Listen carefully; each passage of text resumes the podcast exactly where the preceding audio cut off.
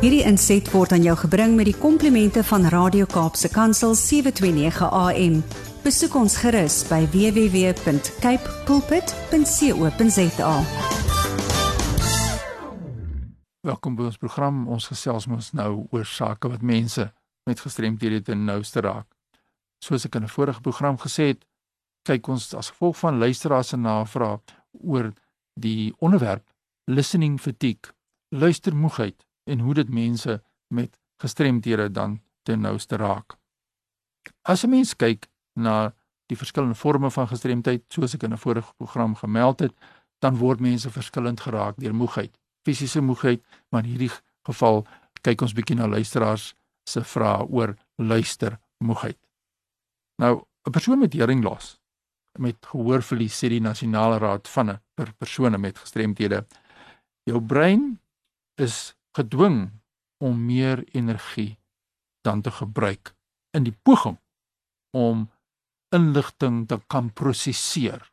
Wanneer iemand praat, dan moet jy luister. As jy gehoorverlies het, dan is dit 'n kwessie van jy kyk na die persoon se lippe, jy kyk na die persoon se lyfstaal en jy kry daardie hoorbare inligting wat dan geprosesseer word deur die brein.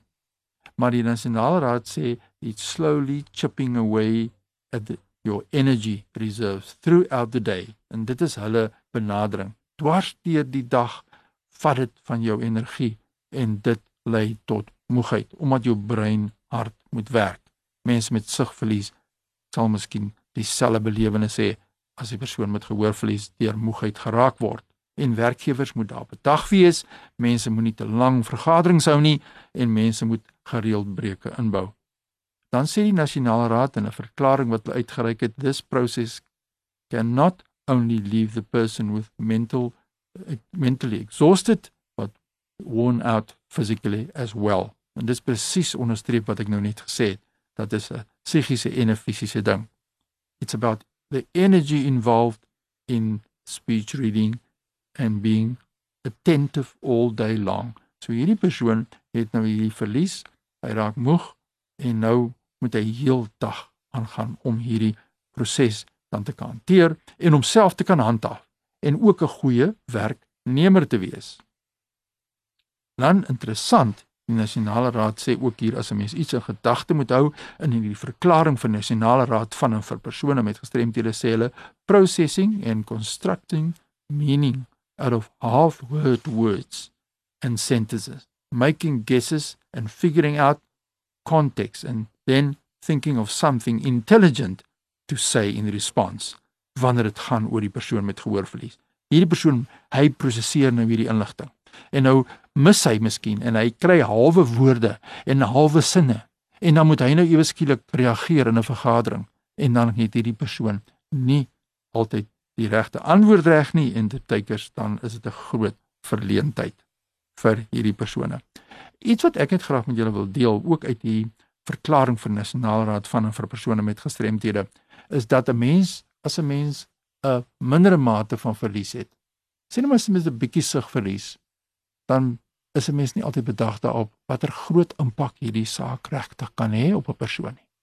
En as 'n mens 'n ligte vorm van gehoorverlies het, hulle noem hier 'n mild hearing loss, kan dit 'n groot impak hê op die persoon se funksionering as hy lankdurig blootgestel is aan klank. Nou kom ons luister die wat sê die nasionale raad. Hulle sê a mild hearing loss doesn't mean sounds aren't loud enough. It means sounds aren't clear enough either. So is nie net die hardheid van die woorde en die klank nie, maar dis ook die duidelikheid van die klank. Dan sê hulle if you have a mild hearing loss, speech consonant sounds like a f and a th and a k and a p. That that p k. That consonant sounds like that. Sê hulle may be lost during a conversation. En dit beteken dat as iemand die woord gebruik deaf kan baie maklik klink soos deaf. Soos jy daai p en die k en die f en die g daai klanke mis, dan kan die hele konteks van die sin of die gedeelte van wat iemand probeer verduidelik heeltemal misverstaan word en heeltemal verlore raak. Baie interessant om dan te onthou dat as 'n mens vergaderings het, veral hierdie virtuele platforms wat mense vandag gebruik, maak asseblief seker dat die mikrofoonkwaliteit goed is. Maak asseblief doodseker dat mense goed artikuleer. Maak asseblief seker op die virtuele platforms dat daar 'n uh, tyd is vir breuke. Maak seker dat die agtergrondgeraas geëlimineer word. So kan ons mee help dat mense met gestremthede nie uitgedaag word deur onnodige stres en dat hulle die moegheid dan in gedagte geneem moet word, luistermoegheid, fisiese moegheid. So in volgende week se program gaan ek weer verder nog gesels. Dit is baie interessante inligting en baie navrae oor hierdie hantering van persone met gestremthede, fisiese gestremdheid sowel as psigososiaal en hoe die impak van luistermoegheid kan meewerk dat hierdie persoon nie tot volle potensiaal in die werkplek kan ontwikkel nie. As jy dalk 'n persoon is wat uitgedaag word deur hierdie omgewingsklanke en dis meer in jou werkplek wat jou uiters moeg maak, stuur vir my 'n e-pos. My e-pos is fani.dt@mweb.co.za. Miskien kan ons so 'n opleidingssessie by jou werkgewer kan kom aanbied. My e-pos fani.dt@mweb.co.za. Groete tot 'n volgende keer. Hierdie inset was aan jou gebring met die komplimente van Radio Kaapse Kansel 729 AM. Besoek ons gerus by www.cape pulpit.co.za.